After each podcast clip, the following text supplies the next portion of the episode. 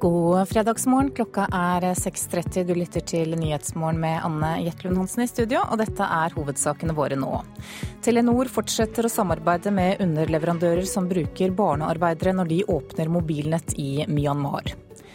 For første gang arrangerer FN i dag en internasjonal dag for å avskaffe alle atomvåpen. Og minst ti falske vitnemål ble avslørt ved årets opptak på Universitetet i Oslo. Det er både trist og egentlig litt provoserende at noen uh, prøver å til og med noen klarer, å jukse seg inn på et akademisk studium. Sier masterstudent Runar Bjørkvik Mæland. I morgen så åpner Telenor for første gang mobilnett i Myanmar. Landet er et av de fattigste og mest korrupte i verden, og Telenor har selv avdekket barnearbeid i flere av sine underselskaper. Likevel fortsetter de å bruke dem. Det vi setter i gang i Myanmar, det er en katalysator for økonomisk vekst. Konsernsjef Jon Fredrik Baksås i Telenor er fornøyd med at de snart endelig er i gang i Myanmar. Og vår fortjeneste er jo at vi langsiktig også skal ha inntjening på det vi investerer i Myanmar, akkurat som vi har hatt i alle andre land. Om lag 6,5 milliarder kroner er investert. Det vil bli mer, for den norske telegiganten har forpliktet seg til å skaffe mobilnett til 90% av befolkningen i Myanmar. Men det er mange utfordringer knyttet til å bygge mobilnett i et av verdens fattigste og mest korrupte land. Telenor har åpent innrømmet at deres underselskaper har brukt barn i arbeidet. Fysisk og uh, farlig arbeid ikke være aktuelt for vårt vedkommende opp til uh, en aldersgrense på 18 år. Likevel har Telenor fortsatt å benytte selskapene. Ja, altså Her har vi jo løpende opplæring hele veien. Og vi besøker jo også alle de stedene der vi bygger fysisk i marken. Ehm, og dette er helt nødvendig. Ehm, og eh, det er nesten uunngåelig at man ikke i Myanmar vil eh, ty til det som er normalt i deres kultur. Eh, og så må vi bære frem det som er vår arbeidsmetodikk. Baksås understreker imidlertid at Telenor ikke vil akseptere gjentatte brudd på forbudet mot barnearbeid. Her har vi i første omgang gått lærekurven. Eh, og det må de òg. Og hvis de ikke klarer å gå lærekurven, ja vel, så må vi skifte ut. Og reporter her, det var Silje Herbro Landsverk. Terrorgruppen IS har torturert og drept en menneskerettighetsadvokat i Irak. Det sier FNs utsending til landet. Den kvinnelige advokaten ble hentet hjemme og så fraktet til et hemmelig sted i fem dager, ifølge nyhetsbyrået Ap. Siden ble hun funnet på et likhus med skader som viste at hun var blitt torturert. Kvinnen ble hentet etter at hun skrev kritiske innlegg om terrororganisasjonen IS på sosiale medier.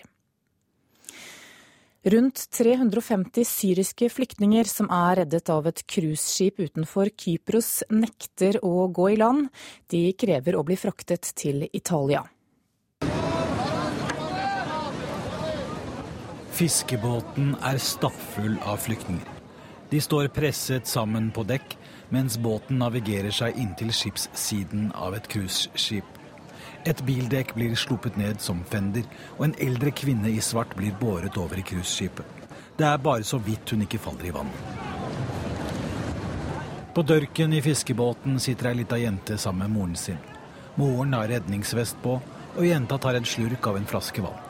Hun er en av 52 barn som er om bord i fiskebåten, som sendte ut nødsignal da de lå drøye 50 nautiske mil sørøst for feriestedet Papovs. I alt 350 var om bord i båten som holdt på å synke i de høye bølgene. Et cruiseskip kom dem til unnsetning og kunne stille opp med ulltepper, førstehjelpsutstyr og mat og vann. Skipet tok med seg alle flyktningene til Limassol på Kypros. Men mange av flyktningene vil ikke gå i land og krever å bli fraktet til Italia. Men kapteinen nekter å vise til at han har fått alle trygt i havn. I tillegg har rederiet tatt mange penger på redningsaksjonen, i stedet for å gå rett til Haifa i Israel med sine 800 cruisepassasjerer. Antallet båtflyktninger som kommer fra Midtøsten og Nord-Afrika mot Europa har økt voldsomt i år pga. krigen i Syria og på Gaza. Så langt har 120 000 båtflyktninger kommet til Italia, sammenlignet med 40 000 i hele fjor. De fleste prøver å komme seg dit eller til Malta. Og reporter her, det var Øyvind eh, Nyborg. For eh, første gang arrangerer FN i dag en internasjonal dag for å avskaffe alle atomvåpen. Arbeidet med kjernefysisk nedrustning har pågått siden slutten av andre verdenskrig. Men fortsatt lever over halvparten av verdens befolkning i land som enten har slike våpen, eller som er medlem av atomallianser. Nuclear security remains a pressing concern, not least the risk of nuclear terrorism. FNs generalsekretær Ban Ki-moon sa på toppmøtet om atomvåpen i sommer at han frykter at atomvåpen havner i hendene på terrorister. Alle har et ansvar, påpekte han. Global kjernefysisk nedrusting er et av de eldste målene i FN. Det ble diskutert i generalforsamlingen for første gang i 1946. Likevel finnes fortsatt 17 000 atomvåpen som FN vet om. Målet med markeringen i dag er å gi verdenssamfunnet en påminnelse om sin forpliktelse til global kjernefysisk nedrusting. Hvorfor blir den så arrangert i år for første gang?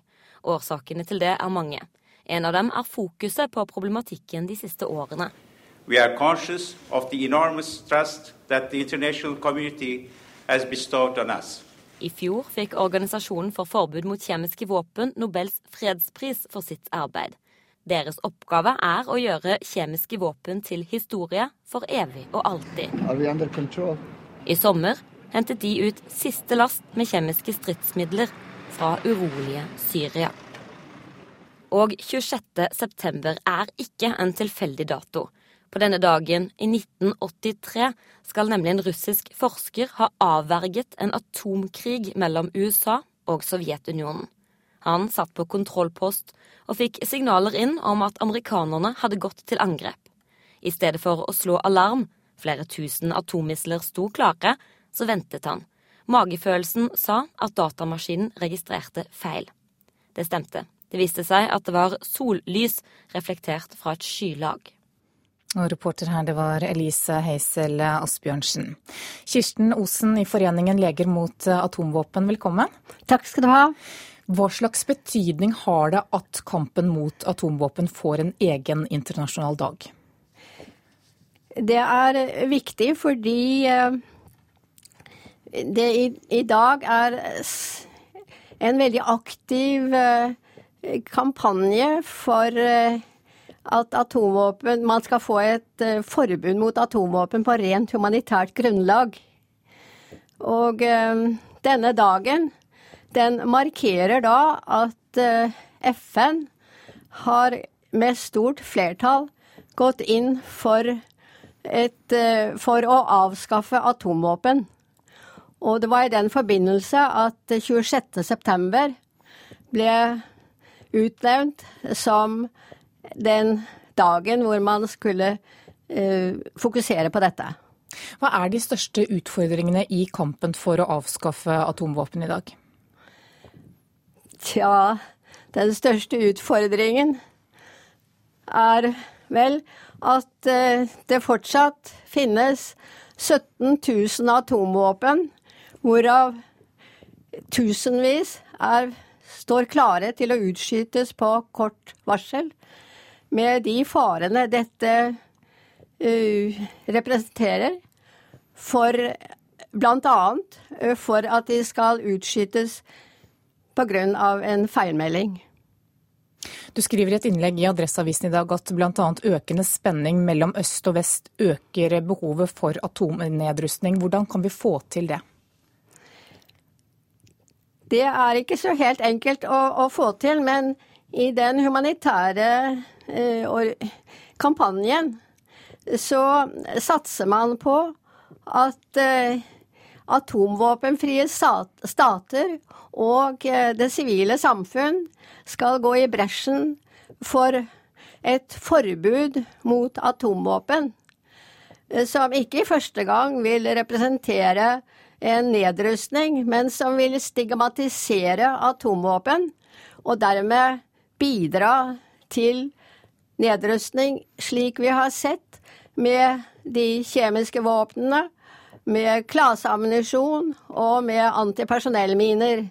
Det startet også med et forbud, og eh, det som har vist seg effektivt.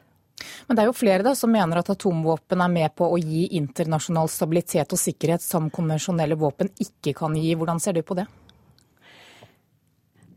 Atomavskrekking har jo den ulempen da at det forutsetter vilje til å bruke atomvåpen. Uten det vil jo ikke atomavskrekkingen ha noen virkning. Og atomvåpen må bare ikke brukes.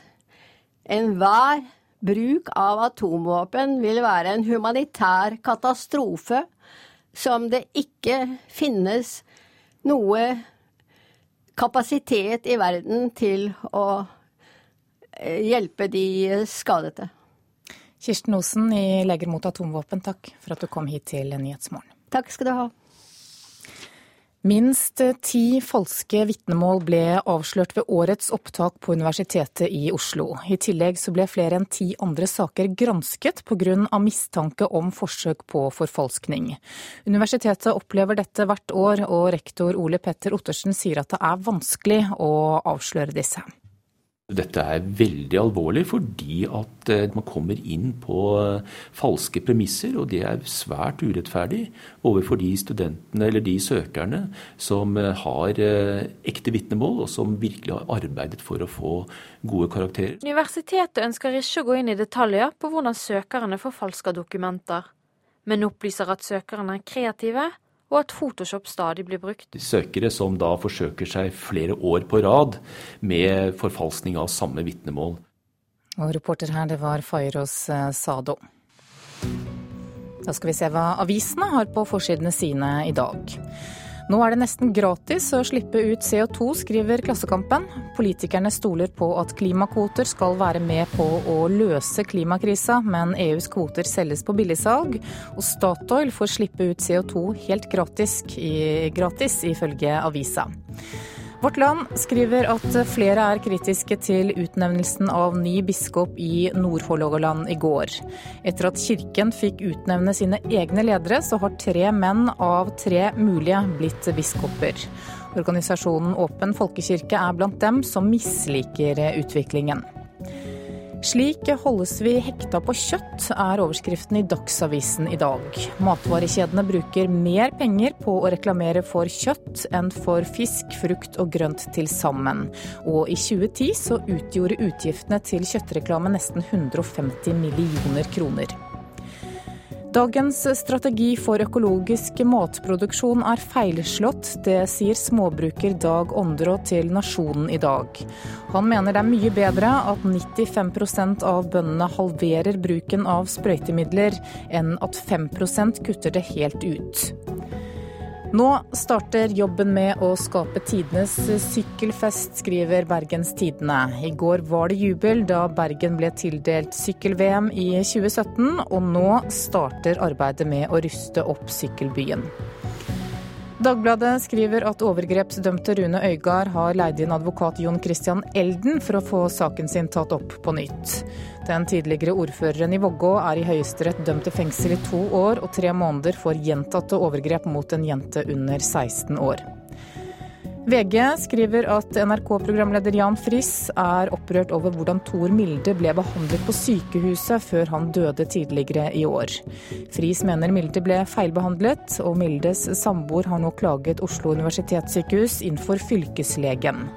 Sykehuset sier til avisa at de ikke ønsker å kommentere saken i media. Aftenposten har viet hele forsiden til sitater fra unge mennesker. Overskriften er 'Alle snakker om oss unge.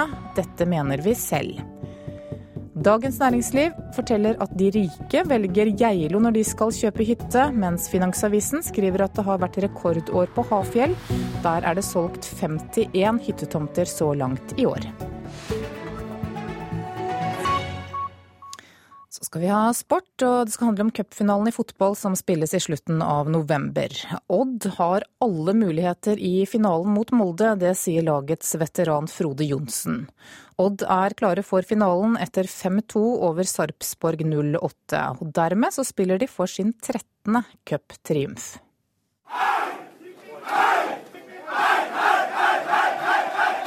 Det er eh, fantastisk moro, eh, spesielt med, med det laget her. De har eh, utvikla seg voldsomt. og Vi har gjort det veldig bra i serien og spilt god fotball i flere år. Så å komme til cupfinalen setter, ja, setter et punktum for det hele, egentlig. Si litt om det å møte Molde. Molde er vanskelig, selvfølgelig. De har vært stabile hele år og har eh, brei stall og et veldig godt fotballag. Så det er en tøff kamp, men eh, i en cupfinale så kan alt skje. Og vi er slettes ikke noe dårlig fotballag og har godt tak på Molde, så der kan vi fint vinne. Også Odd-trener Dag Eilev Fagermo gleder seg til å møte Molde. Det blir veldig gøy å møte dem er best. De vinner seriegull. og at vi skal opp mot de som har vært det nest beste laget, i hvert fall så langt, det er en fantastisk uh, finale. Uh, vi er på en måte David i den kampen. Vi er en klubb med små ressurser, utvikler spillere. Kommer til å starte med seks-sju lokale sannsynligvis mot et lag som da har kapital og kanskje ingen lokale. Så det er to forskjellige måter å drifte klubbene på. Det skal bli spennende om vi kan ta de med vår måte å drive på. Og eh, cupfinalen spilles på Ullevål søndag 23.11. Reporter her, det var Trond Johnsen. Du hører på Nyhetsmorgen nå. Klokka er 6.46, og dette er hovedsakene våre. Telenor fortsetter å samarbeide med underleverandører som bruker barnearbeidere, når de åpner mobilnett i Myanmar. 350 syriske flyktninger som er reddet av et cruiseskip utenfor Kypros, nekter å gå i land. Og følg oss videre, så skal du få høre at foreldre melder hverandre til barnevernet i forbindelse med barnefordelingssaker. Ebolautbruddet i Vest-Afrika setter en stopper for arbeidet Plan Norge gjør for å skaffe rent vann til befolkningen i Sierra Leone. Arbeidet med å lage brønner til landsbyene har stoppet opp pga. smittefaren i landet. Magnus Østebrød fra Eigersund, som står bak prosjektet Okka landsby, er fortvilet. Når folk eh, bader, eh, vasker klær og drikker vann på samme plassen, så er det klart blir det én smitte, så blir det fort flere. Jeg hadde tenkt å reise ned nå så fort som mulig, nå når vi har fått denne landsbyen, for å ta bilder, filme, fortelle historier til de som er hjemme her. Magnus Østerbø sitter hjemme i sofaen på Eigerøy. Nå kan han bare se på bildene tatt av fadderbarna i Sierra Leone. Det er livsfarlig å reise der nå. Nå kan vi ikke reise ned når ebolasmitten er sånn som den er nå, så vi må avvente reisen ned. Gründeren fra Eigersund har skaffa nok faddere og penger til at 500 mennesker i området rundt Sierra Leone-landsbyen Mwamba nå har tilgang på rent vann fra brønn. Men selve landsbyen står nå uten rent vann mens ebolasmitten eksploderer. Det verste er jo at det faktisk er ebola der nede. og og, og, og, den situasjonen som de, de, kjemper med der. Vi får jo bare krysse fingre for at, for at ingen av fadderbarna eller familiene der eh, får, får denne fæle smitten her. Hjelpearbeidet i regi av Plan Norge var godt i gang før ebolautbruddet kom. Østebrød har alene verva 45 faddere fra Egersund. Derfor er prosjektet med tvillingby unikt, sier generalsekretær i Plan Norge, Olaf Thommessen. Når man verver så mange faddere som man har gjort, så har det veldig, veldig stor betydning for lokalsamfunnet. Pga. ebolautbruddet er det nå ekstremt vanskelig å drive med fadderarbeid i hele Vest-Afrika. Det får store konsekvenser, sier Thommessen. Vi har måttet legge ned mye av vårt, våre tradisjonelle prosjekter øh, og utsette de øh, pga. smittefaren. Vi jobber veldig nært med myndighetene i Sierra Leone for å hindre spredning av smitte og utvikling av sykdommen, og ikke minst informere øh, lokalbefolkningen. Men, eh, men, på kort sikt har dette fått eh, store konsekvenser for alle våre prosjekter i landet.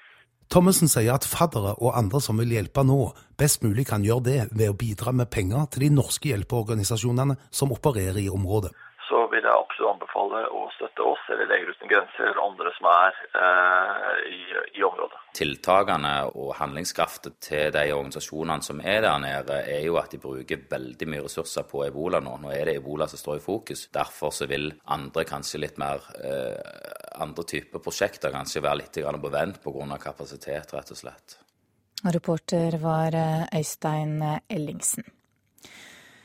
Oftere enn tidligere melder foreldre hverandre til barnevernet i barnefordelingssaker. Flere barnevernkontor i Sogn og Fjordane bekrefter denne utviklingen. Advokat Gunnar Lunde mener det er et problem at foreldre prøver å unngå domstolene fordi det er dyrt med juridisk hjelp. Da kan det jo i en gitt situasjon være fristende å bruke bekymringsmeldingssystemet til barnevernet, for det er helt gratis. Det er domstolene som skal avgjøre hvem som har rett til samvær i barnefordelingssaker. Men i et brev til Fylkesmannen i Sogn og Fjordane uttrykker Gunnar Lunde si uro over at foreldre misbruker barnevernstjenester ved å melde hverandre inn. Det er en annen sluse, dette her, at man åpner for at barnevernstjenesten griper inn i det som er domstolenes domene. Og der bør vi vel ikke komme, tenker jeg. Flere barnevernskontor NRK har snakka med, stadfester at dette er en utvikling de kjenner til. I en e-post skriver Oline Grodås ved barnevernskontoret i Førde at de stadig oftere må gå inn i saker om samvær og om hvor barn skal bo. Det hender barnevernstjenester opplever at foreldre prøver å få barnevernet til å ta deres side i kampen om barna. Denne kampen har det ofte blitt en kamp for å ta hverandre. Psykolog og jurist Grete Nordhelle har manipulasjon som spesialfelt, og mener det er all grunn til å være på vakt for manipulerende foreldre i barnefordelingssaker. De eh, som er dyktige manipulerende, de er strategiske. Da handler det om å trykke den andre ned og selv bli vinner i forhold til barna, ikke å tenke hva er best for barn. Og reporter var Sigrid Agnete Hansen. Kunst- og kulturfeltet har mye å lære av måten Olympiatoppen får frem verdensmestere på, det sier toppidrettssjef Tore Øvrebø. I går fortalte NRK at regjeringen vil presentere en talentordning for de aller beste utøverne innen kunst og kultur, etter modell fra nettopp idretten. Og Therese kommer og tar imot hyllesten. Og vi er så glad på hennes vegne og på nasjonens vegne. Er i mål der! Therese Johaug først i mål etter tre mil i Kollen for tre år siden. Nok en gang hadde Norge fostret en verdensmester på ski. Spør du hvorfor, vil mange svare Olympiatoppen. I år er det 20 år siden Olympiatoppen ble etablert. Det vi har lært, det vet hele det norske folk, at det har betydd utrolig mye. Eh, for å få fram talenter i norsk idrett. Og det eh, konseptet det mener jeg at eh, det er på høy tid å også dra nytte av i forhold til kunst- og kulturfeltet sa kulturminister Toril Vidvei til NRK i går. I årets statsbudsjett vil det altså komme noe som ligner Olympiatoppen, som skal hjelpe dansere, musikere, skuespillere og kunstnere å hevde seg helt i verdenstoppen. For i dag er man enige om at nivået er for lavt. Det jeg ser eh, fra Musikkhøgskolens eh, sted, og der er jeg tross alt rektor og sitter og bestemmer en del ting, jeg ser at norske studenter ofte utkonkurreres av de utenlandske, f.eks. ved prøvespill til orkestrene. Det er en situasjon som vi ikke kan leve med som kulturnasjon. Sier rektor ved Musikkhøgskolen Peter Tornquist. Han sier at mange som tar lange utdanninger innen kunst og kultur, mangler det lille ekstra som gjør at de kan skape seg en karriere.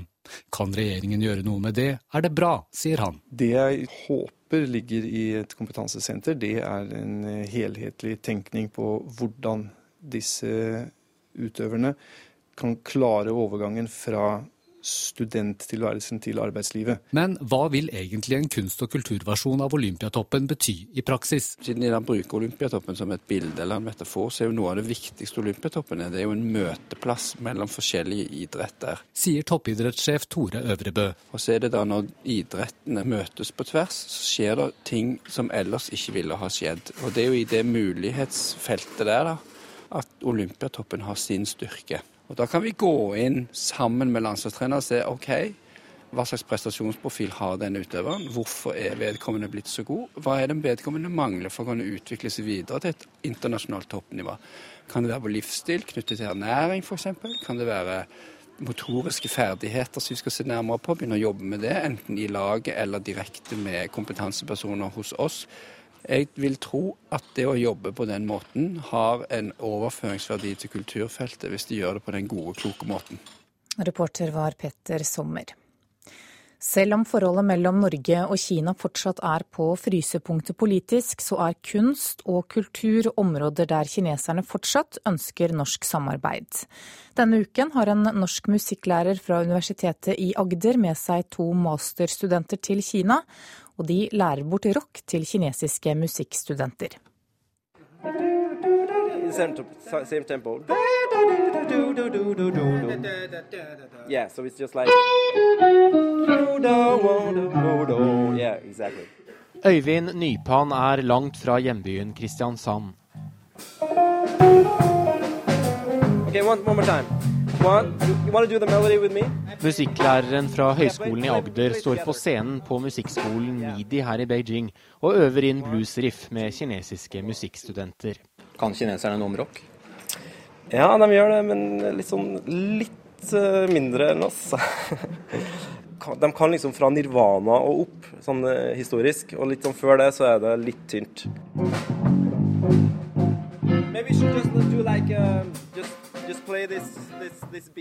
Nypan kom hit til Beijing første gang i 2010, og har gradvis utvidet kulturutvekslingsprosjektet sitt siden. Det er et samarbeid mellom Universitetet i Agder og Rikskonsertene. Samtidig har Kina holdt et iskaldt politisk forhold til Norge. Jeg har ikke merka noen ting. Vi starta i 2010, og så har det gradvis eh, blitt litt større. Så har, jeg så jo liksom den eh, Det en trenger her, er liksom rett og slett eh, samspilltrening. 21 år gamle Fang Yuan er en av de kinesiske studentene på Midi som har hatt norsk lærer de siste dagene.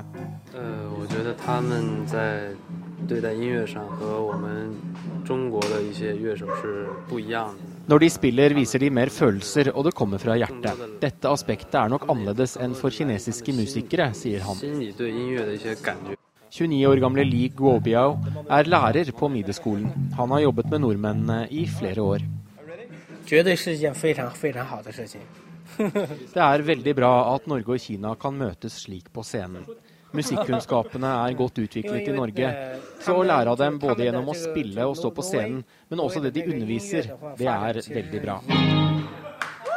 Over helgen skal Øyvind Nypan og flere av studentene opptre på en av Kinas største musikkfestivaler, Midi-festivalen i Shanghai. Ja, vi, På mandag så stikker vi til Shanghai, og da skal vi spille på Midi-festival der borte på onsdag. Så det er også en veldig kul oppgradering av det prosjektet her, fra liksom bare å være lærer. Så skal vi også nå liksom få satt ting i praksis og spille med elever. Og reporter i Kina, det er Peter Svår. Skal vi se på et værvarsel som gjelder til midnatt. Fjellet i Sør-Norge kan vente seg sørvestlig liten og senere stiv kuling. Regn, snø over ca. 1800 meter. Fra i ettermiddag vestlig sterk kuling i høyfjellet. Regnbyger og snøbyger over ca. 1200 meter. Lite nedbør i øst. Østlandet og Telemark på kysten liten og senere stiv kuling. Utpå dagen vestlig frisk bris. Liten kuling på kysten, lokalt kraftige vindkast. Forbigående spredt regn, ellers lettskyet eller delvis skyet oppholdsvær. Agder på kysten liten og senere stiv kuling. Litt regn, fra i ettermiddag vestlig frisk bris. På kysten opp i stiv kuling, periodevis sterk kuling vest for Lindesnes. Lokalt kraftige vindkast. Regnbyger i indre vestlige strøk, ellers lettskyet eller delvis skyet oppholdsvær. Vestlandet kan vente seg dreining til vestlig opp i sterk kuling i dag. Fra Stad og nordover sørlig opp i full storm, senere dreiende sør-vestlig. Regn kan hende med torden. I kveld snøbyger i høyfjellet og lokalt mye nedbør. Trøndelag økning til sørlig sterk kuling. Fra i formiddag sørvestlig liten storm. I kveld full storm. Regn og fra i ettermiddag regnbyger, lokalt mye nedbør. Nordland økning til sørlig stiv kuling utsatte steder. Kortvarig liten storm i utsatte kyststrøk. I ettermiddag dreiende sør-vestlig. Regn og lokalt store nedbørsmengder på Helgeland og i Lofoten. Troms økning til sørøstlig liten kuling utsatte steder. Dreiende sørlig. Kortvarig sterk kuling i sør og regn av og til. Finnmark sørlig liten kuling utsatte steder. Fra utpå ettermiddagen kortvarig stiv kuling i øst. Regn av og til. Og på Nordensjøland på Spitsbergen er det ventet østlig bris i dag. Enkelte sluddbyger vesentlig i øst. Så tar vi med noen temperaturer som ble målt klokka fem. Da hadde Svalbard lufthavn to grader, Kirkenes fem. Alta seks, Tromsø fire, Bodø åtte, Brønnøysund 11, Trondheim 13, Molde 14, Bergen, Stavanger og Kristiansand alle 13. Gardermoen og Lillehammer hadde sju grader, Røros fem, og på Oslo-Blindern så var det sju grader klokka fem i morges.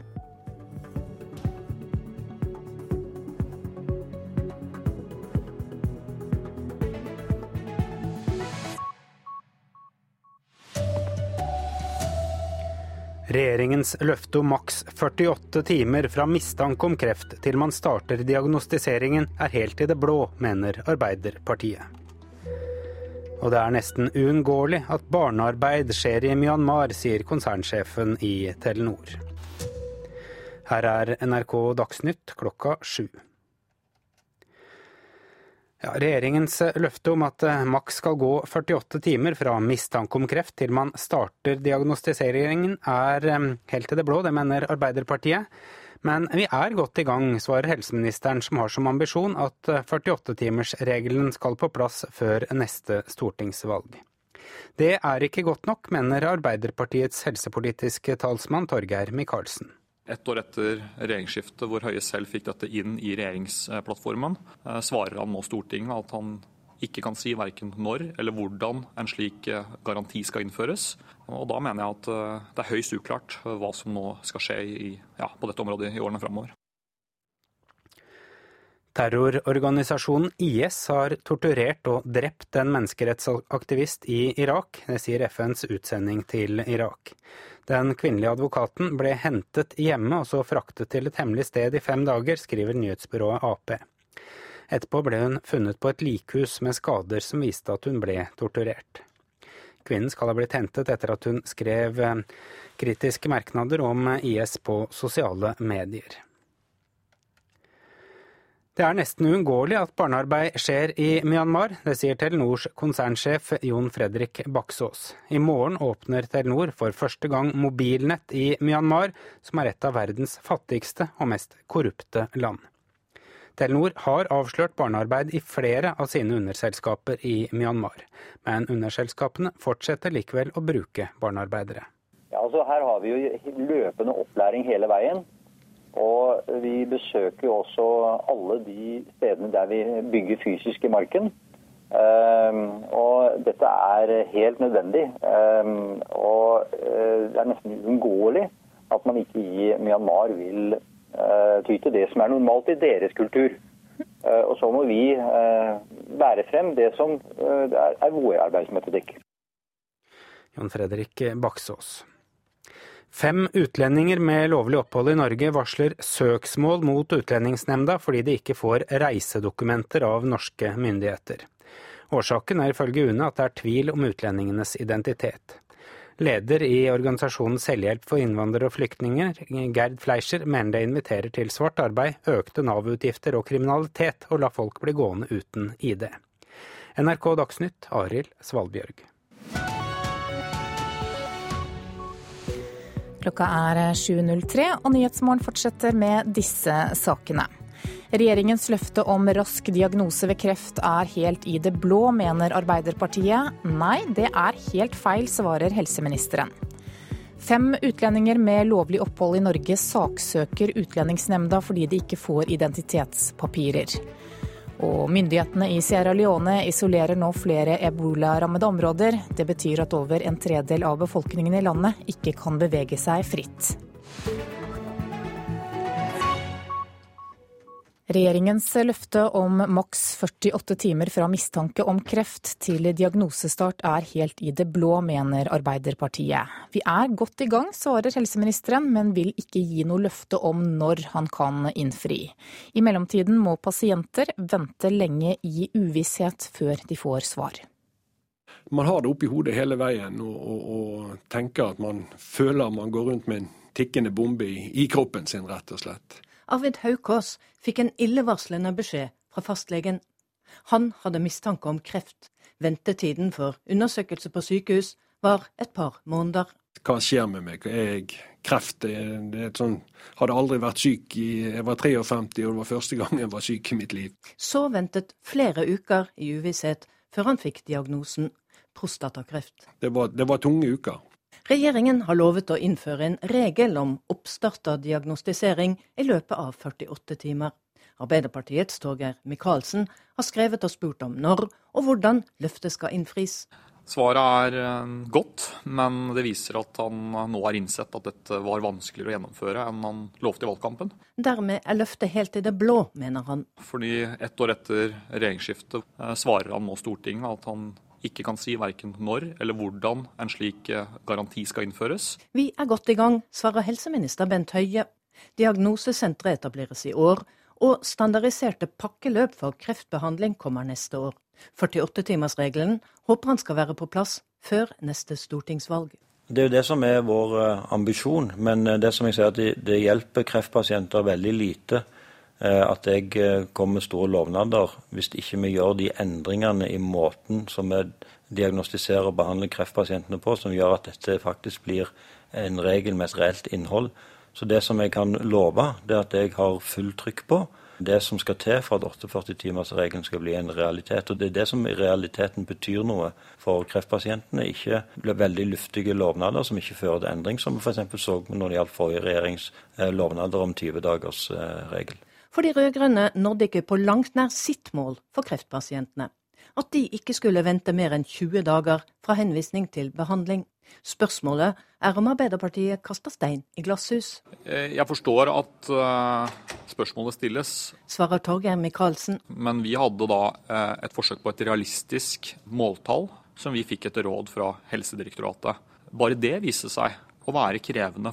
Men da å få kritikk fra daværende leder av helse- og omsorgskomiteen, Bent Høie, om at 20 dager det var altfor lang tid, det var 48 timer som gjaldt, da syns jeg kanskje at eh, det er greit å si fra. Tidligere kreftpasient Arvid Haukås er klar på hva han mener om ventetid. Altså Når man først har en mistanke, så er det utrolig viktig å bare få enten konstatert om man har det, eller at man ikke har det.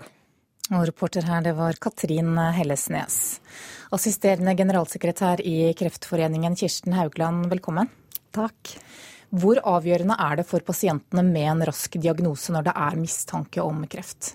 Det er veldig viktig for pasientene med en rask avklaring og en rask diagnose. Det er også grunnen til at Kreftforeningen har engasjert seg veldig sterkt både med ventetider og også å få i gang disse standardiserte pakkeforløpene som vi forventer og ser fram til skal innføres i løpet av 2015, som Høie nå lover. Stikkord i disse pasientforløpene er nettopp dette med forutsigbarhet, god informasjon til pasientene og sterk grad av brukermedvirkning. Så vi deler jo også Michaelsens utålmodighet. Slik som Arvid Haukås sier, dessverre er vi kjent med at nok mange pasienter opplever tilsvarende situasjoner. Denne usikkerheten, den psykiske belastningen, har fått en sånn tøff mistanke, og i tillegg har den psykiske belastningen med at ikke du vet når du kommer i gang. Det er en problemstilling vi er godt kjent med. Mange av de som kontakter Kreftlinjen hos oss, de tar opp nettopp denne problemstillingen. En mor sa f.eks. til meg usikkerheten, uvissheten, den gjør meg gal, den bryter meg ned. Men vissheten, samme hvor tøff den er, så kan jeg forholde meg til den. Så dette understreker betydningen av, og vi ser fram til disse pakkeforløpene som skal komme i gang med 2015. Men Blir du bekymret når helseministeren ikke kan love akkurat når denne 48-timersregelen er på plass? Ja, Vi blir bekymret hvis ikke disse pakkeforløpene som er lovt skal rulles ut i 2015, sier noe tydelig om hvilke frister som skal gjelde. Vi vet også at Helsedirektoratet nå nettopp utreder dette med juridisk bindende frister.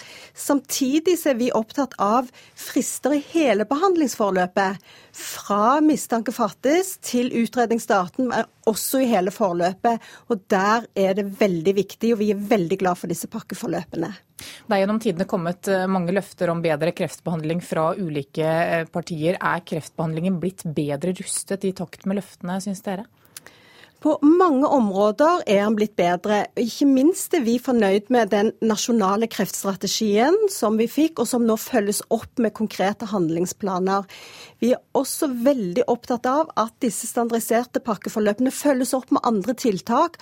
At sykehusene forplikter seg, at det blir fulgt opp hvis ikke disse forløpene fungerer i praksis. Og ikke minst at pasientene helt tydelig både vet hva de kan forvente, og hvem de skal kontakte hvis ikke ting går som det er lovd. Men Blir det litt mye krangling om tall og datoer og år? Det er jo en fare, for for den enkelte pasient, som Arvid Hauker så tydelig sier, så er det viktig for meg vite hvem skal jeg forholde meg til, hva er viktig for meg i min prognose. Og det er viktig for den enkelte, men ikke minst må vi huske på at hele familien blir satt i en veldig usikkerhet. Så det er klart at denne kranglingen om tall kan av og til også være et sidespor. Kirsten Haugland, takk for at du kom hit til. Nyhetsmorgen. Da skal vi høre at eh, fem utlendinger med lovlig opphold i Norge saksøker Utlendingsnemnda. Årsaken er at de ikke får reisedokumenter av norske myndigheter. Leder i organisasjonen Selvhjelp for innvandrere og flyktninger, Gerd Fleischer, sier myndighetene bryter med Norges internasjonale forpliktelser ved å ikke gi utlendingene ID-dokumenter. Flyktningkonvensjonen er helt klar på at de som gis asyl etter konvensjonen, skal ha reisebevis. Paragraf 28 der er helt klar på det. Slik at dette ser vi som et brudd på flyktningkonvensjonen. Det Norge gjør, å ikke gi dem reisedokumenter. Og derfor den, dette varselet om en stemning. Leder i Safe, Gerd Fleischer, forteller at organisasjonen bistår fire eritreere og én iraker alle med lovlig opphold som konvensjonsflyktninger i Norge, med å gå til søksmål mot Utlendingsnemnda. Alle fem har fått avslag på sine søknader om reisedokumenter, og har dermed ingen ID i Norge som kan bekrefte hvem de er. For enkemann og tobarnsfar Kalib Iyasu Aron fra Eritrea er situasjonen vanskelig. Altså, jeg kan ikke jobbe. Jeg kan ikke få førerkort. Altså, jeg kan ikke reise fra her til andre land. Ifølge Utlendingsdirektoratet er det 165 flyktninger i Norge med samme status som Aron som ikke får ID-dokumenter av norske myndigheter fordi det er tvil rundt deres identitet. Aron sier han har gjort det han kan for å bevise hvem han er. Nå håper han at søksmålet vil skaffe ham et ID-dokument, slik at han kan ta sertifikat og reise på ferie med barna. Det er et stort problem. også. jeg kan ikke reise med barn. Hvis barn spurte meg at eh, de trenger å reise til andre land, de trenger å kose seg og slappe av i ferien. Da kan jeg ikke gjøre sånn. Utlendingsnemnda har nettopp mottatt varsel om stevning, og skriver i en e-post til NRK at hvis det i stevningen kommer fram opplysninger som tilsier at tidligere avslag om reisedokumenter bør endres, så vil det kunne gjøres uten at sakene må til retten. Dette lyder fornuftig, sier Gerd Fleischer. Vi håper jo at det ikke kommer for retten. Vi håper jo på at uh, utlendingsmyndighetene tar til vettet.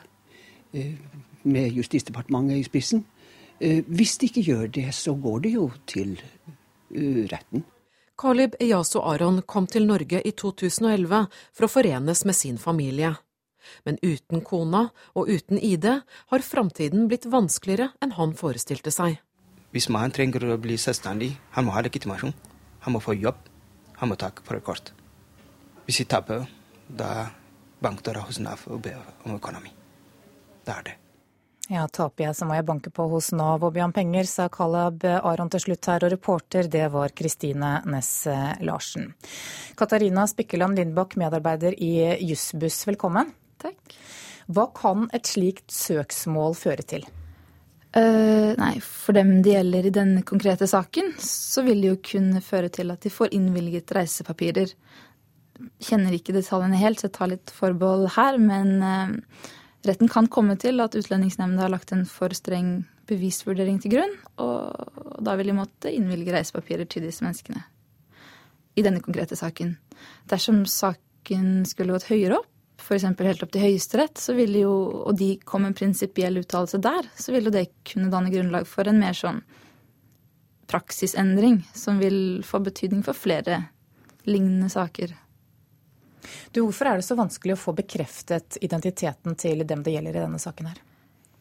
Eh, det som gjelder dem, vil anta, som gjelder de fleste i denne situasjonen, er at det er litt todelt. For det første så, så kommer jo flyktningene hit uten ID-papirer fra hjemlandene sine.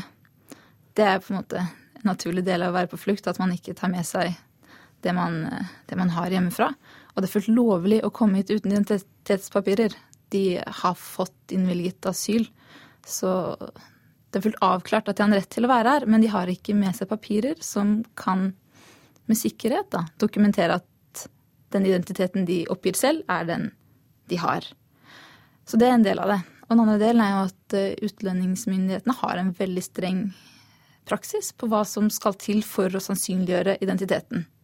Så, så um, Ja, hva er det de trenger? Det de krever ofte, er papirer fra myndighetene i hjemlandet til dem det gjelder.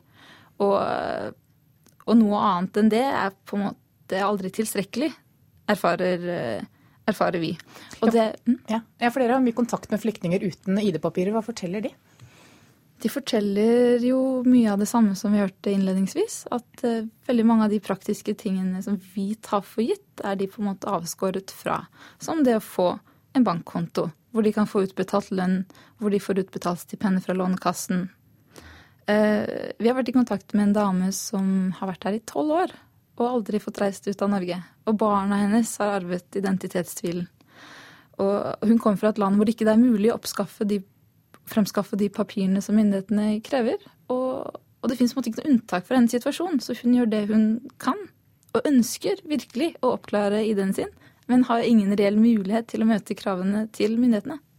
Ja, men Det er vel ikke så lett å skrive ut eh, ID-dokumenter heller, da, dersom det er tvil om identiteten, sånn som eh, Utlendingsnemnda sier? Ja, men um, det er en Det blir en sånn avveining av hensyn her, da.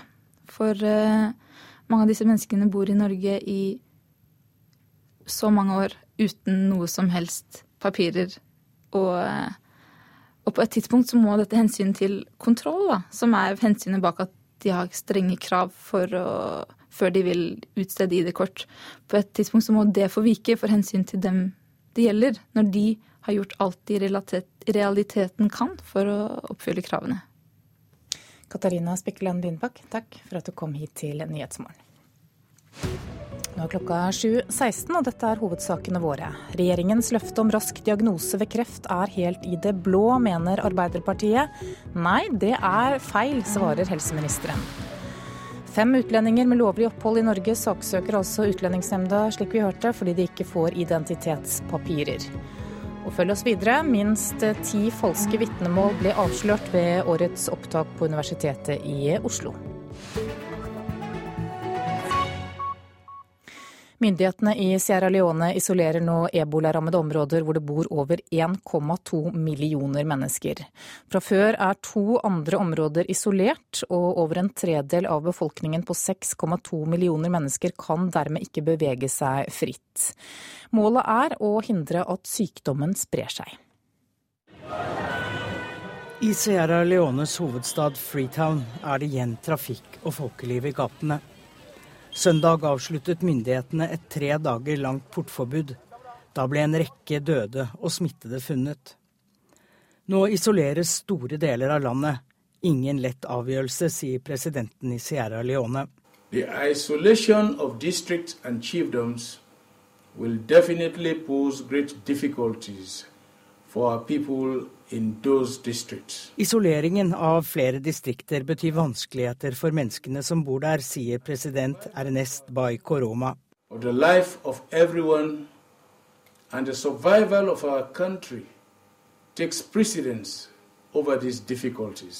Målet er at Sierra Leone skal overleve denne epidemien på best mulig måte.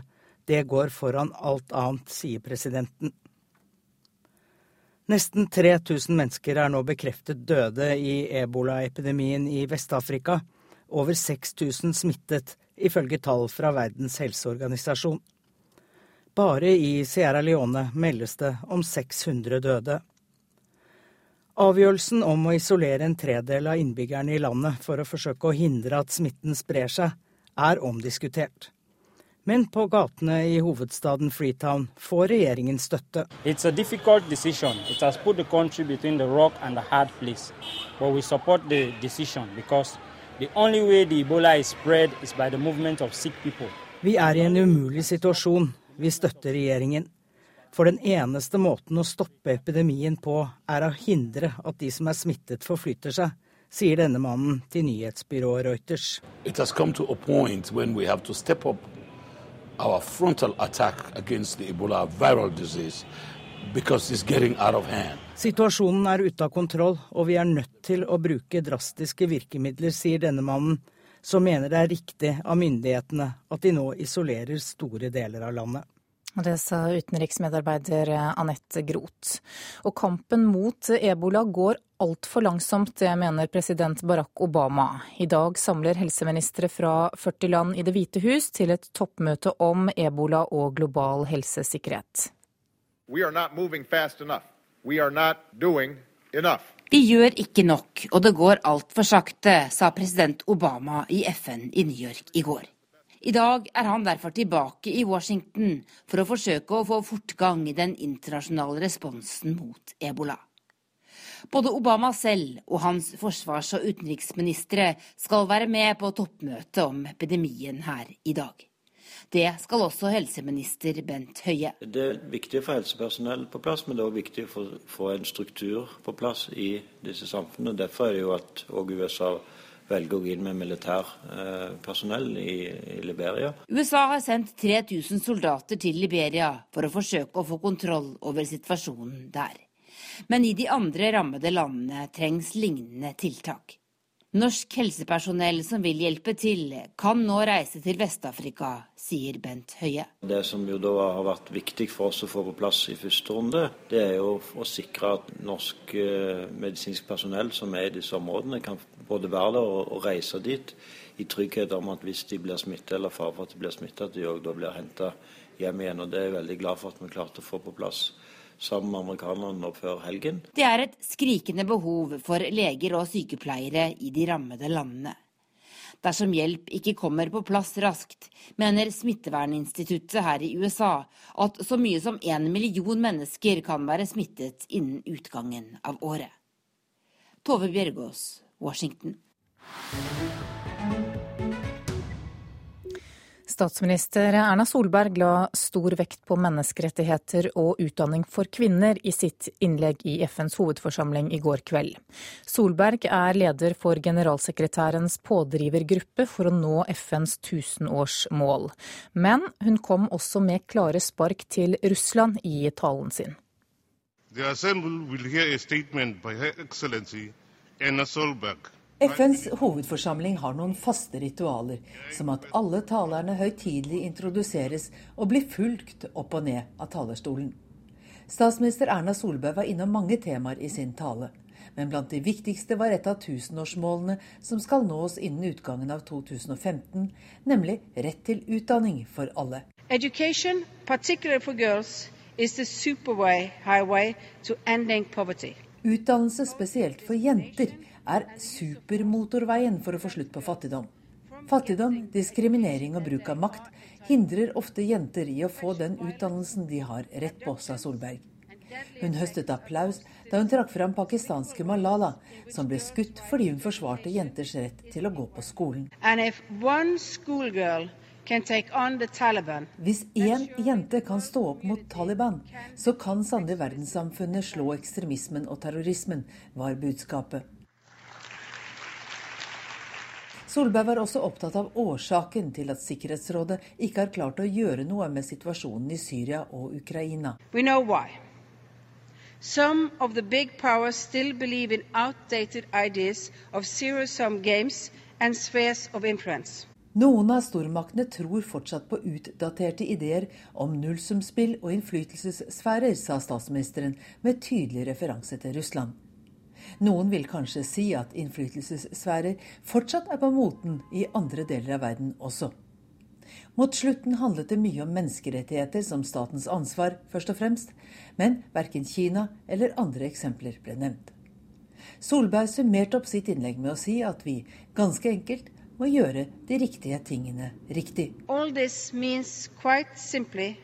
Simply right things right. Thank you, Mr. President. Og det var vår USA-korrespondent Gro Holm som fulgte statsministerens tale i FN. Skal vi se hva avisene har på forsidene sine i dag. Nå er det nesten gratis å slippe ut CO2, skriver Klassekampen. Politikerne stoler på at klimakvoter skal være med på å løse klimakrisa, men EUs kvoter selges på billigsalg, og Statoil får slippe ut CO2 helt gratis, ifølge avisa. Vårt Land skriver at flere er kritiske til utnevnelsen av ny biskop i Nord-Hålogaland i går. Etter at kirken fikk utnevne sine egne ledere, så har tre menn av tre mulige blitt biskoper. Organisasjonen Åpen folkekirke er blant dem som misliker utviklingen. Slik holdes vi hekta på kjøtt, er overskriften i Dagsavisen i dag. Matvarekjedene bruker mer penger på å reklamere for kjøtt enn for fisk, frukt og grønt til sammen. I 2010 utgjorde utgiftene til kjøttreklame nesten 150 millioner kroner. Dagens strategi for økologisk matproduksjon er feilslått. Det sier småbruker Dag Åndrå til Nasjonen i dag. Han mener det er mye bedre at 95% av bøndene halverer bruken av sprøytemidler, enn at 5% kutter det helt ut. Nå starter jobben med å skape tidenes sykkelfest, skriver Bergens Tidende. I går var det jubel da Bergen ble tildelt sykkel-VM i 2017, og nå starter arbeidet med å ruste opp sykkelbyen. Dagbladet forteller at overgrepsdømte Rune Øygard har leid inn advokat Jon Christian Elden for å få tatt opp saken sin på nytt. Den tidligere ordføreren i Vågå er i Høyesterett dømt til fengsel i to år og tre måneder for gjentatte overgrep mot en jente under 16 år. VG skriver at NRK-programleder Jan Friis er opprørt over hvordan Tor Milde ble behandlet på sykehuset før han døde tidligere i år. Friis mener Milde ble feilbehandlet, og Mildes samboer har nå klaget Oslo universitetssykehus inn for fylkeslegen. Sykehuset sier til avisa at de ikke ønsker å kommentere saken i media. Aftenposten har viet hele forsiden sin i dag til sitater fra unge mennesker. Overskriften er 'Alle snakker om oss unge, dette mener vi selv'. Dagens Næringsliv forteller at de rike velger Geilo når de skal kjøpe hytte, mens Finansavisen skriver at det har vært rekordår på Hafjell. Der er det solgt 51 hyttetomter så langt i år. Det er eh, ikke alle som søker seg inn på studier med ekte karakterer. På Universitetet i Oslo så har de oppdaget ti falske vitnemål i år.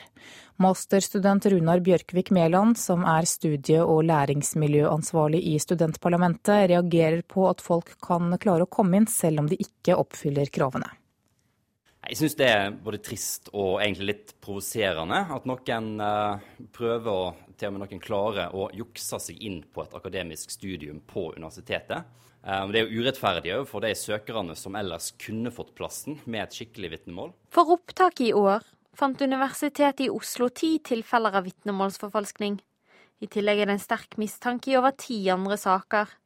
Rektor ved UiO, Ole Petter Ottersen, mener situasjonen er alvorlig. Ja, jeg syns jo dette er veldig alvorlig, fordi at eh, det er jo snakk her om at man kommer inn på eh, falske premisser, og det er svært urettferdig overfor de studentene eller de søkerne som eh, har eh, ekte vitnemål, og som virkelig har arbeidet for å få gode karakterer, og som da har muligheter til å passere det trange nåløyet der for å komme inn på Universitetet i Oslo. Universitetet ønsker ikke å gå inn i detaljer på hvordan søkerne forfalsker dokumenter, men opplyser at søkerne er kreative og at Photoshop stadig blir brukt. Vi har jo oppdaget eh, søkere som da forsøker seg flere år på rad med forfalskning av samme vitnemål.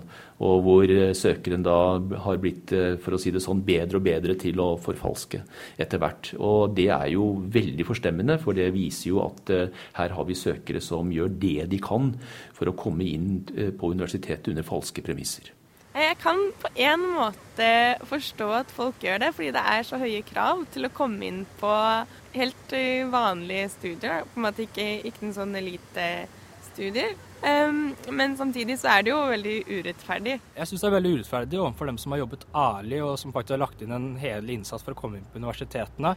Og at da noen kan jukse seg inn. Og det er jo ikke slik vi ønsker det. Rektor mener det er vanskelig å unngå at folk kommer inn eller søker med falske papirer. Vi har uh, mye kompetanse på dette. Vi investerer veldig mye uh, arbeidstid i å gjøre akkurat dette. Men selvsagt så kan vi jo ikke garantere at vi oppdager alt. Dersom du blir tatt for forfalkning, så kan straffen være utestenging i en periode eller politianmeldelse. Reporter her, det var Fairos eh, Sado. Klokka nærmer seg 7.30. Du lytter til Nyhetsmorgen, og i reportasjen etter Dagsnytt så skal du få høre at Cuba er et av landene i verden som sender flest helsearbeidere til de ebolarammede områdene i Vest-Afrika. Produsent for Nyhetsmorgen i dag, det er Kari Bekken Larsen, og her i studio, Anne Jetlund Hansen.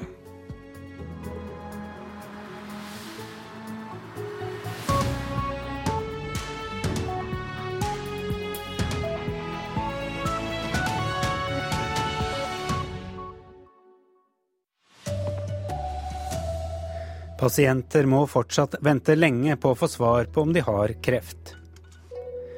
Kampen mot ebola går for sakte, mener Obama. Samler 40 helseministre til krigsråd i dag. Og Universitetet i Agder utdanner kinesere i rock og pop. Her er NRK Dagsnytt klokka 7.30. Regjeringens løfte om maks 48 timer fra mistanke om kreft til diagnosestart er helt i det blå, det mener Arbeiderpartiet. Vi er godt i gang, svarer helseministeren, men vil ikke gi noe løfte om når han kan innfri regjeringens ambisjon. I mellomtida må pasienter vente lenge i uvisshet før de får svar. Man har det oppi hodet hele veien og, og, og føler man går rundt med en tikkende bombe i, i kroppen sin, rett og slett. Arvid Haukås fikk beskjed fra fastlegen. Mistanke om kreft. Ventetiden før undersøkelse på sykehus var et par måneder. Hva skjer med meg? Er jeg kreft? Det er sånn, hadde aldri vært syk i Jeg var 53, og det var første gang jeg var syk i mitt liv. Så enda flere uker i uvisshet før han fikk diagnosen prostatakreft. Det var, det var tunge uker. Regjeringen har lovet å innføre en regel om oppstart av diagnostisering i løpet av 48 timer. Arbeiderpartiets Torgeir Micaelsen har skrevet og spurt om når løftet skal innfris. Svaret er eh, godt, men det viser at han nå har innsett at dette var vanskeligere å gjennomføre enn han lovte i valgkampen. Og dermed er løftet helt i det blå, mener han. Fordi ett år etter regjeringsskiftet eh, svarer han nå Stortinget at han ikke kan si verken når eller hvordan en slik eh, garanti skal innføres. Vi er godt i gang, sier helseminister Bent Høie. Diagnosesenteret kommer i år. Faste behandlingsløp for ulike kreftsykdommer neste år. 48-timersregelen håper han er på plass før neste stortingsvalg. Det er jo det som er vår eh, ambisjon, men det hjelper kreftpasienter veldig lite eh, at jeg eh, kommer med store lovnader hvis ikke vi gjør de endringene i måten som vi diagnostiserer og behandler kreftpasientene på, som gjør at dette faktisk blir en regel med et reelt innhold. Så det som jeg kan love, det er at jeg har fullt trykk på det som skal til for at 48-timersregelen skal bli en realitet. Det er det som i realiteten betyr noe. Sa helseministeren til reporter Katrin Hellesnes. Og assisterende generalsekretær i Kreftforeningen, Kirsten Haugland, sier at det er svært viktig for kreftpasienter å få en rask diagnose. Denne usikkerheten, den psykiske belastningen, har fått en sånn tøff mistanke, og i tillegg har den psykiske belastningen med at ikke du vet når du kommer i gang. Det er en problemstilling vi er godt kjent med. En mor sa f.eks. til meg usikkerheten, uvissheten, den gjør meg gal, den bryter meg ned. Men vissheten, samme hvor tøff den er, så kan jeg forholde meg til den. Så dette understreker betydningen av, og vi ser fram til disse pakkeforløpene som skal komme i gang med 2015. Fem utlendinger med lovlig opphold i Norge varsler søksmål mot Utlendingsnemnda fordi de ikke får reisedokumenter av norske myndigheter. Årsaken er ifølge UNE at det er tvil om utlendingenes identitet. Leder i organisasjonen Selvhjelp for innvandrere og flyktninger, Gerd Fleischer, sier myndighetene bryter med Norges internasjonale forpliktelser ved ikke å gi utlendingene ID-dokumenter. Eh, flyktningkonvensjonen er helt klar på at de som gis asyl etter konvensjonen, skal ha reisebevis. Paragraf 28 der er helt klar på det. Leder i Safe, Gerd Fleischer, forteller at organisasjonen bistår fire eritreere og én iraker, alle med lovlig opphold som konvensjonsflyktninger i Norge, med å gå til søksmål mot Utlendingsnemnda. Alle fem har fått avslag på sine søknader om reisedokumenter, og har dermed ingen ID i Norge som kan bekrefte hvem de er. For enkemann og tobarnsfar Kalib Iyasu Aron er situasjonen vanskelig. Altså, jeg kan ikke jobbe. Jeg kan ikke få førerkort. Altså, jeg kan ikke reise fra her til andre land. Nå håper han at søksmålet vil gi ham et ID-dokument, slik at han kan ta sertifikat og reise på ferie med barna det er et stort problem. Altså, jeg kan ikke reise med barn. Hvis barn spurte meg at eh, de trenger å reise til andre land, de trenger å kose seg og slappe av i ferien, da kan jeg ikke gjøre sånn. Utlendingsnemnda skriver i en e-post til NRK at hvis det i stevningen kommer fram opplysninger som tilsier at tidligere avslag om reisedokumenter bør endres, så vil det kunne gjøres uten at sakene må til retten. Dette lyder fornuftig, sier Gerd Fleischer. Vi håper jo at det ikke kommer for retten. Vi håper jo på at uh, utlendingsmyndighetene tar til vettet, uh, med Justisdepartementet i spissen. Uh, hvis de ikke gjør det, så går det jo til retten. Og ifølge UDI er det 165 flyktninger som er i denne situasjonen. Reporter Kristine Næss Larsen. Kampen mot ebola går altfor langsomt, mener president Obama. I dag samler han helseministre fra 40 land i Det hvite hus til et toppmøte om ebola og global helsesikkerhet. Vi gjør ikke nok, og det går altfor sakte, sa president Obama i FN i New York i går. I dag er han derfor tilbake i Washington for å forsøke å få fortgang i den internasjonale responsen mot ebola. Både Obama selv og hans forsvars- og utenriksministre skal være med på toppmøtet om epidemien her i dag. Det skal også helseminister Bent Høie. Det er viktig å få helsepersonell på plass, men det er også viktig å få en struktur på plass i disse samfunnene. Derfor er det jo at USA velger å gå inn med militærpersonell eh, i, i Liberia. USA har sendt 3000 soldater til Liberia for å forsøke å få kontroll over situasjonen der. Men i de andre rammede landene trengs lignende tiltak. Norsk helsepersonell som vil hjelpe til, kan nå reise til Vest-Afrika, sier Bent Høie. Det som jo da har vært viktig for oss å få på plass i første runde, det er jo å sikre at norsk eh, medisinsk personell som er i disse områdene, kan både være der og, reise dit i trygghet om at hvis de blir smittet eller fare for at de blir smittet, at de òg da blir henta hjem igjen. Og Det er jeg veldig glad for at vi klarte å få på plass sammen med amerikanerne nå før helgen. Sa helseminister Bent Høie til vår USA-korrespondent Tove Bjørgaas. Nesten 300 flyktninger som ble reddet av et cruiseskip i Middelhavet i går, nekter å gå i land. Skipet ligger til kai i byen Limassol på Kypros. Der har det ligget siden i går kveld, og de syriske flyktningene har forsøkt å overtale kapteinen til å ta dem med til Italia.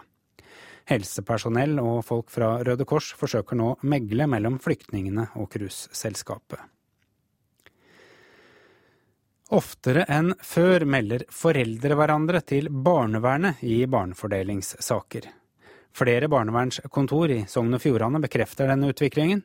Advokat Gunnar Lunde mener det er et problem at foreldre prøver å unngå domstolene fordi det er dyrt med juridisk hjelp.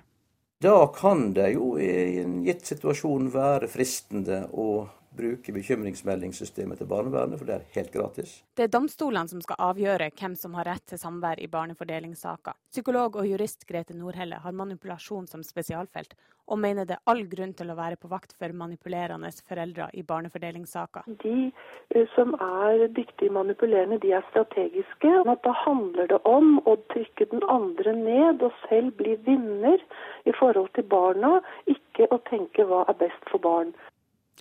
Reporter her Sigrid Agnete Hansen. Selv om forholdet mellom Norge og Kina fortsatt er på frysepunktet rent politisk, er kunst og kultur et område der kineserne fortsatt ønsker norsk samarbeid. Denne uka har en norsk musikklærer fra Universitetet i Agder med seg to masterstudenter til Kina. De lærer bort rock til kinesiske musikkstudenter, og spesielt samspill. De kan liksom fra nirvana og opp, sånn eh, historisk. Og litt sånn før det så er det litt tynt. Like, uh, just, just this, this, this Nypan kom hit til Beijing første gang i 2010, og har gradvis utvidet kulturutvekslingsprosjektet sitt siden. Det er et samarbeid mellom Universitetet i Agder og Rikskonsertene. Samtidig har Kina holdt et iskaldt politisk forhold til Norge. Jeg har ikke merka noen ting. Vi starta i 2010, og så har det gradvis eh, blitt litt større. Så har, jeg så jo liksom den eh, Det en trenger her, er liksom rett og slett eh, samspilltrening. Over helgen skal Øyvind Nypan og flere av studentene opptre på en av Kinas største musikkfestivaler, Midi-festivalen i Shanghai. Ja, vi, På mandag så stikker vi til Shanghai, og da skal vi spille på Midi-festival der borte på onsdag. Så det er også en veldig kul oppgradering av det prosjektet her, fra liksom bare å være lærer. Så skal vi også nå liksom få satt ting i praksis og spille med elever. Reporter i Kina, Peter Svaar. Ansvarlig for sendinga, Anders Borgen Werring. Teknisk ansvarlig, Frode Thorshaug. I studio, Arild Svalbjørg.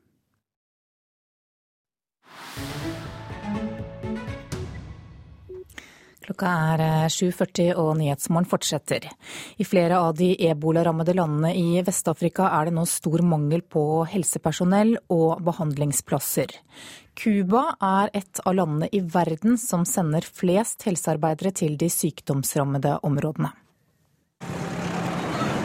En sykebil er på vei ut av Calixto Garcia-sykehuset i Havanna. En plakat med Fidel Castro og revolusjonshelten og legen Che Guevara henger over inngangspartiet. På en benk sitter sykepleieren Barbara Cabrera med hvit bukse og bluse.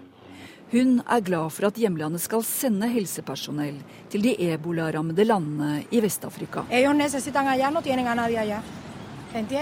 De trenger hjelp, men har ingen til å hjelpe seg. Så det er viktig å bidra, for vi har folk her, sier hun. This is exponential increase with hundreds going into thousands of cases per week. And if we don't stop the epidemic very soon, this is going to turn from a disaster into a catastrophe. Christopher Dye, som er strategisk leder i Verdens helseorganisasjon WHO, sa denne uka at ebolaepidemien raskt kan utvikle seg til en katastrofe hvis verdenssamfunnet ikke klarer å stoppe utbruddet raskt. It's a large epidemic, however, so we're nowhere close to controlling this. Hittil er nærmere 3000 mennesker døde i Vest-Afrika. WHO frykter at flere hundre tusen nye kan bli smittet innen nyttår. USA mener situasjonen er enda verre. De frykter at over én million mennesker kan bli rammet av sykdommen i løpet av de nærmeste månedene.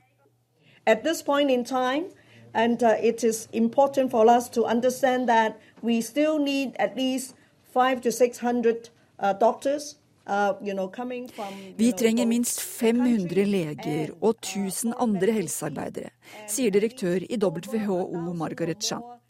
I flere av de hardest rammede landene, som Liberia og Sierra Leone, er det stor mangel på både helsepersonell og sykehus. Svaret kommer raskt fra Cuba. Vamos a cooperar con una brigada de 165 colaboradores vi vil sende en brigade med 165 erfarne helsearbeidere, hvorav 62 leger, sier Cubas helseminister Roberto Morales Ojeda.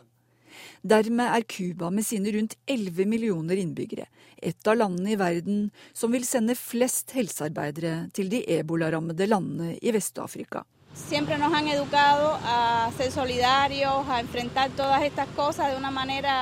Vi har alltid blitt lært at vi skal bry oss, og hjelpe resten av verden er veldig bra, sier legen Ana Maria Tellerias til nyhetsbyrået Reuters på gata i Havanna. Den cubanske statlige TV-kanalen er med når helsearbeidere gjør de siste forberedelser, før de skal reise til Sierra Leone. På scenen blir det demonstrert hvordan de skal bruke den heldekkende beskyttelsesdrakten.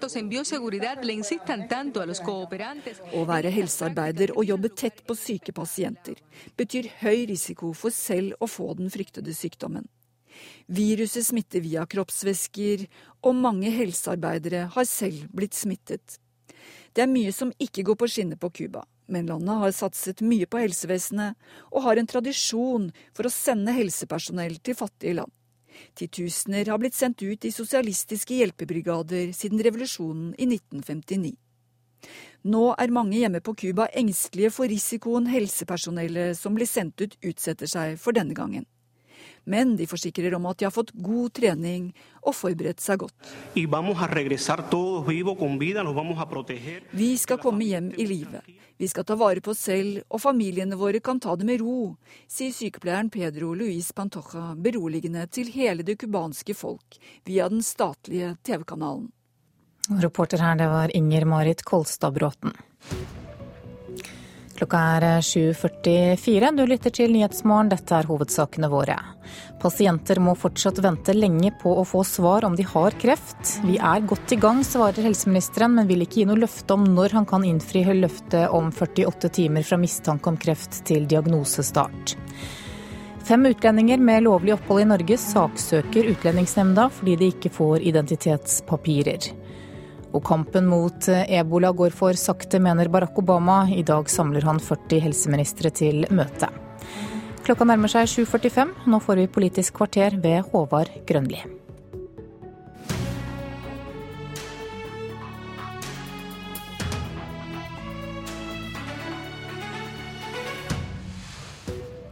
De er inspirerte til politisk handling etter klimatoppmøtet i FN. Men hva som skal skje her hjemme, er de ikke helt enige om. God morgen. Vi har med oss ledertrioen i miljøkomiteen på Stortinget i Politisk kvarter. To av de sitter her med jetlag etter å ha vært på klimatoppmøte i New York. Nikolai Astrup fra Høyre.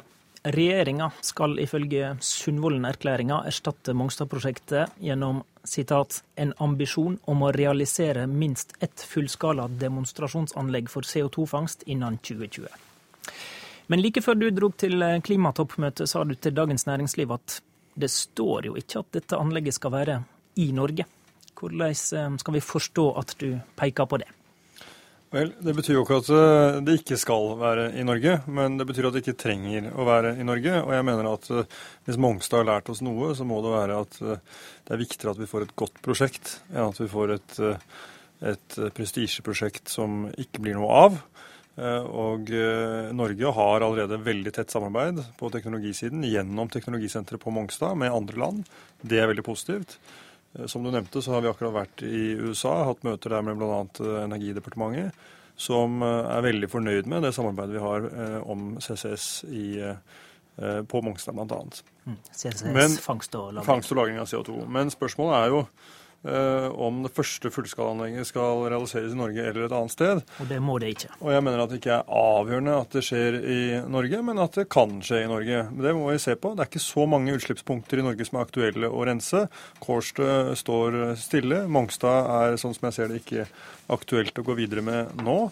Eh, og da er det ikke så veldig mange igjen. Vi har noen industriutslipp i eh, grenlandsområdet som kan være aktuelle. Eh, men utover det så må vi se utover landets grenser. Så det er praktisk vanskelig å få det til i Norge?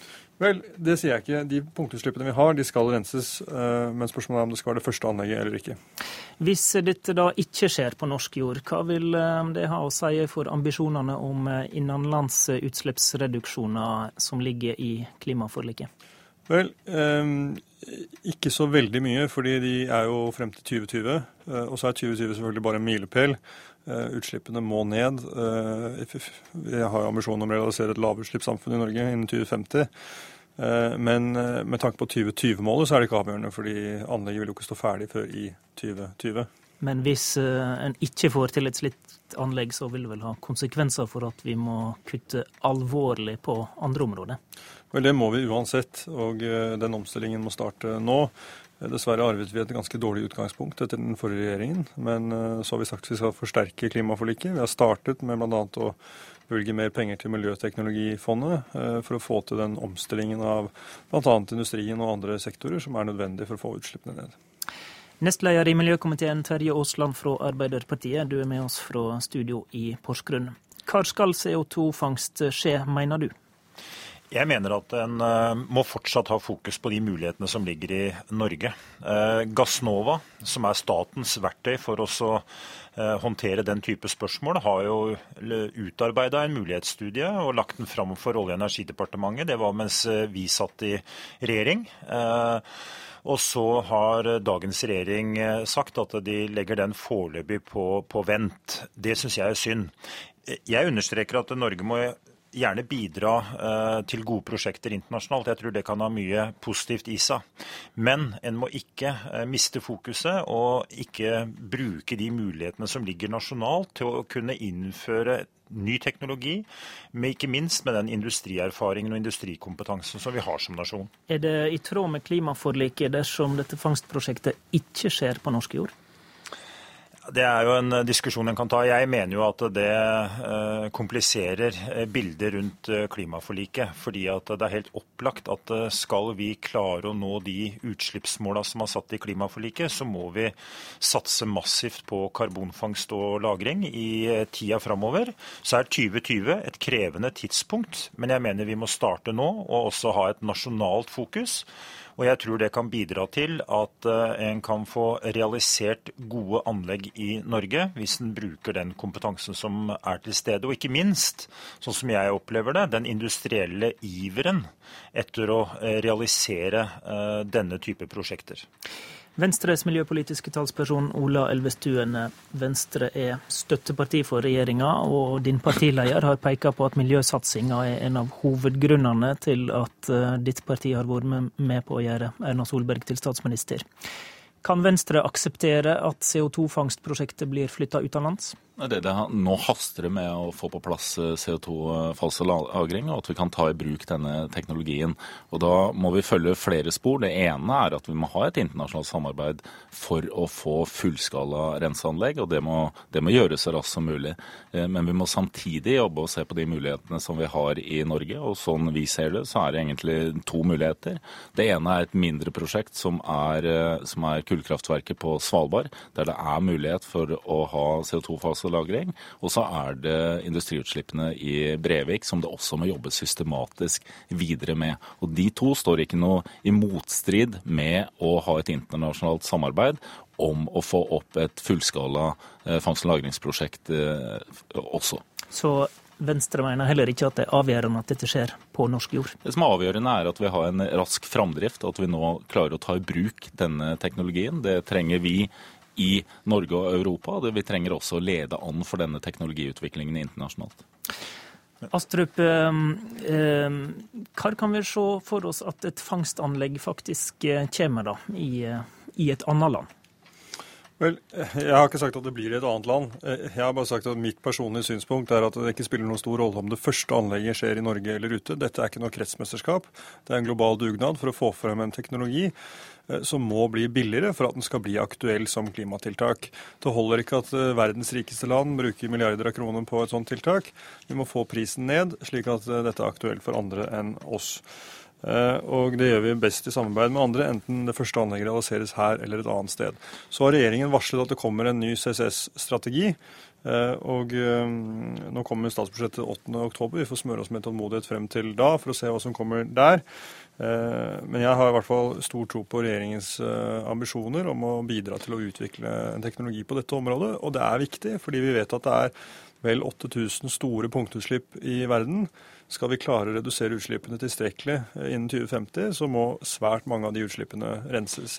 Men, I, men... kraftsektoren så har vi muligheten til å erstatte mye kullkraft med, med, med, fornybar energi, men i industrien så vil det være helt nødvendig med fangst og lagring i et 2050-perspektiv. Terje Aasland. Ja, Da mener jeg det er riktig nå å uh, gå langs de to spora som også Ola Elvestuen trekker opp. Vi kan og må eh, delta i den internasjonale arbeidet for, eh, for, karbonfangst og -lagring.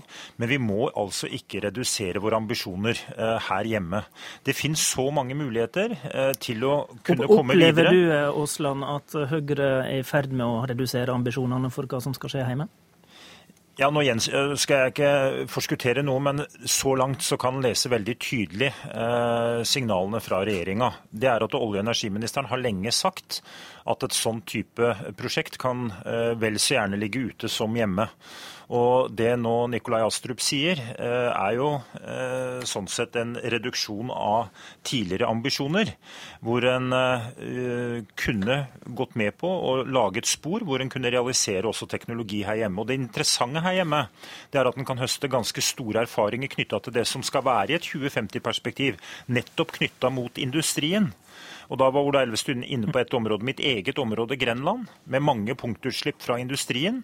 Burde vært særdeles interessant i et framtidig perspektiv å starte allerede jobbinga konkret med nå. Og også la staten bidra aktivt for å utvikle både teknologi, men hvordan en også håndterer eh, CO2-fangsten fra ulike punktutslipp i et industrielt miljø. Det hadde vært spennende, det hadde vært riktig, og Norge hadde tatt eh, ansvar for, eh, for, for et betydelig bidrag bidrag i det internasjonale bildet også. Ola Elvestuen, hvordan opplever du ambisjonsnivået? Eh, nei, Å drive fram eh, en teknologiutvikling på CCS, så er det et, det er et internasjonalt løp. Men fra Venstre så er det viktig at vi holder, løp, holder, fast ved også de mulighetene som vi har i, Norge. Og det må skje med den kraften som er nødvendig. Og så er det viktig at dette endrer ikke ambisjonsnivået fram mot 2020 og det som ligger i klimaforliket. Vi var klar over når vi skrev samarbeidsavtalen med regjeringspartiene om å forsterke klimaforliket, så var vi klar over eh, problemene på Mongstad. og mål målsettingen om at vi skal ned på et utslippsnivå som er 47 millioner tonn i 2020, det ligger fast. Så det vi nå må gjøre, er å sørge for å få satt i gang med den omstillingen så raskt som mulig, og det må skje nå i budsjettet allerede i høst. De mulighetene man har på kort sikt, er jo særlig å ta i bruk skatter og avgifter. Det er effektivt, og det virker raskt. Både med, det, med å ha høyere avgifter på eh, fossile utslipp, men også med lettelser der du kan drive fram en alternativer og ny teknologi. Astrup. Aasland får det til å høres ut som om det ikke skjer noe i Brevik i det hele tatt. Og det er jo feil. Der står det jo allerede en testcontainer som, eh, som tester eh, teknologi eh, knyttet til fangst og lagring av CO2. Og det arbeidet skal fortsette frem til 2017, og sikkert også etter det. Så vi må jobbe på bred front. Det er mange gode forskningsmiljøer i Norge som jobber med disse tingene. Vi har, Regjeringen bevilget jo i fjor 100 millioner kroner til å bygge en ny CO2-lab på NTNU. Eh, som ett eksempel. Det finnes gode miljøer rundt IFE. Det er teknologisenteret på Mongstad som jobber med det internasjonale samarbeidet der, og det jobbes i Brevik allerede. Så dette handler jo ikke om å ikke satse på CCS i Norge. Det, det... Eh, og det, Aasland får det til å høres ut som vi ikke gjør det. Det gjør vi selvsagt, og det skal vi fortsette med. Spørsmålet er hvor det første fullskala demonstrasjonsanlegget ja, skal og, stå. Og, da, og Astrup, da Stortinget behandla klimaforliket og du var saksordfører, så sa jo dere at vi skulle ha en ambisjon om å realisere et fullskala anlegg for fangst og lagring innen 2020. Men er vi blitt forleda til å tro at dette skulle være på norsk jord, da? Vel, Da vi behandlet det klimaforliket, så trodde vi fortsatt at det skulle bli noe av Mongstad, selv om vi så allerede da, og jeg, også før det, at det var store svakheter ved Mongstad-prosjektet. Men de tilbakemeldingene vi fikk fra den rød-grønne regjeringen, var at dette både var mulig og gjennomførbart med lavere kostnader enn det som uh, Statoil hadde anslått. Den, så viste det, det seg å ikke stemme. slik at uh, du kan si Da det ble skrevet, så, så var det med utgangspunkt i en annen informasjon enn den vi nå har. 2020 er veldig kort til. Det er et stort industrianlegg vi snakker om. så ingen skal være i tvil om at det vil bli krevende å få realisert et fullskalaanlegg, enten det er hjemme eller ute, innen 2020. Men, eh, men, ambisjonen står fast, og vi skal jobbe for å nå det målet. Terje Aasland. Ja, nå vil jeg ikke si at det har kommet så veldig mange nye klimatiltak fra den regjeringa som sitter nå, men så skal jeg positivt avvente og, og se det som kommer i statsbudsjettet. Men det er sådd tvil om framtida til teknologisenteret på Mongstad. Det er sådd tvil om hvordan en vil jobbe videre med mulighetsstudien som Gassnova har eh, utarbeida, uh, som omhandler nettopp uh, karbonfangst- og lagringsprosjektet i Norge. Og, og, og Da er det, så mange usikre faktorer som denne regjeringa har skapt, istedenfor å være litt mer tydelig på hva vi kan forvente i tida framover nasjonalt også. Og når du sa det, Aasland, så rynka Astrup på øyebryna her i studio. Jeg tror den usikkerheten eksisterer først og fremst i Terje Terje Aaslands. Det er ingen som har sagt at teknologisenteret på Mongstad er truet på noen som helst måte. Og det er ikke riktig at regjeringen ikke har gjort noe på andre områder for å forsterke klimaforliket. Jeg kan nevne en kraftig forsterkning av Miljøteknologifondet som et eksempel. Et annet eksempel er lovnaden om at staten skal dekke 50% av alle store kollektivutbygging i og rundt de store byene, som er langt over det den rød-grønne regjeringen noensinne var i nærheten av å bevilge. Ole Elvestuen, når Norge måla vi har satt om utslippsreduksjoner innen 2020, tror du? Det er vanskelig, men det er mulig. Det viser Miljødirektoratet sin rapport fra i vinter. og Nå skal vi få en årlig oppdatering av dem. og Det er ingen tvil om at budsjettet i høst blir en stor klimakamp for å få de forhandlingene eh, på plass. Og den endelige budsjettet som skal vedtas eh, før jul, må inneholde kraftige klimatiltak. Og det må også være en offensivt budsjett når det gjelder å få på plass CO2-fangst og -lagring. Både for å drive prosjektene fram i Norge, men også for å oppnå målsettingen med å få på plass et fullskala anlegg, eh, enten det er i Norge eller i Norges nærområder. Og med det så peker Ole Elvestuen fram mot eh, budsjettdagen 8.10 og det som skal skje i Stortinget i dagene etterpå. Det var eh, Politisk kvarter i dag. I studio var Håvard eh, Grønli. Husk at du kan eh, høre Politisk kvarter i reprise i Alltid nyheter klokka 10.40, eller når som helst på nettstedet radio.nrk.no.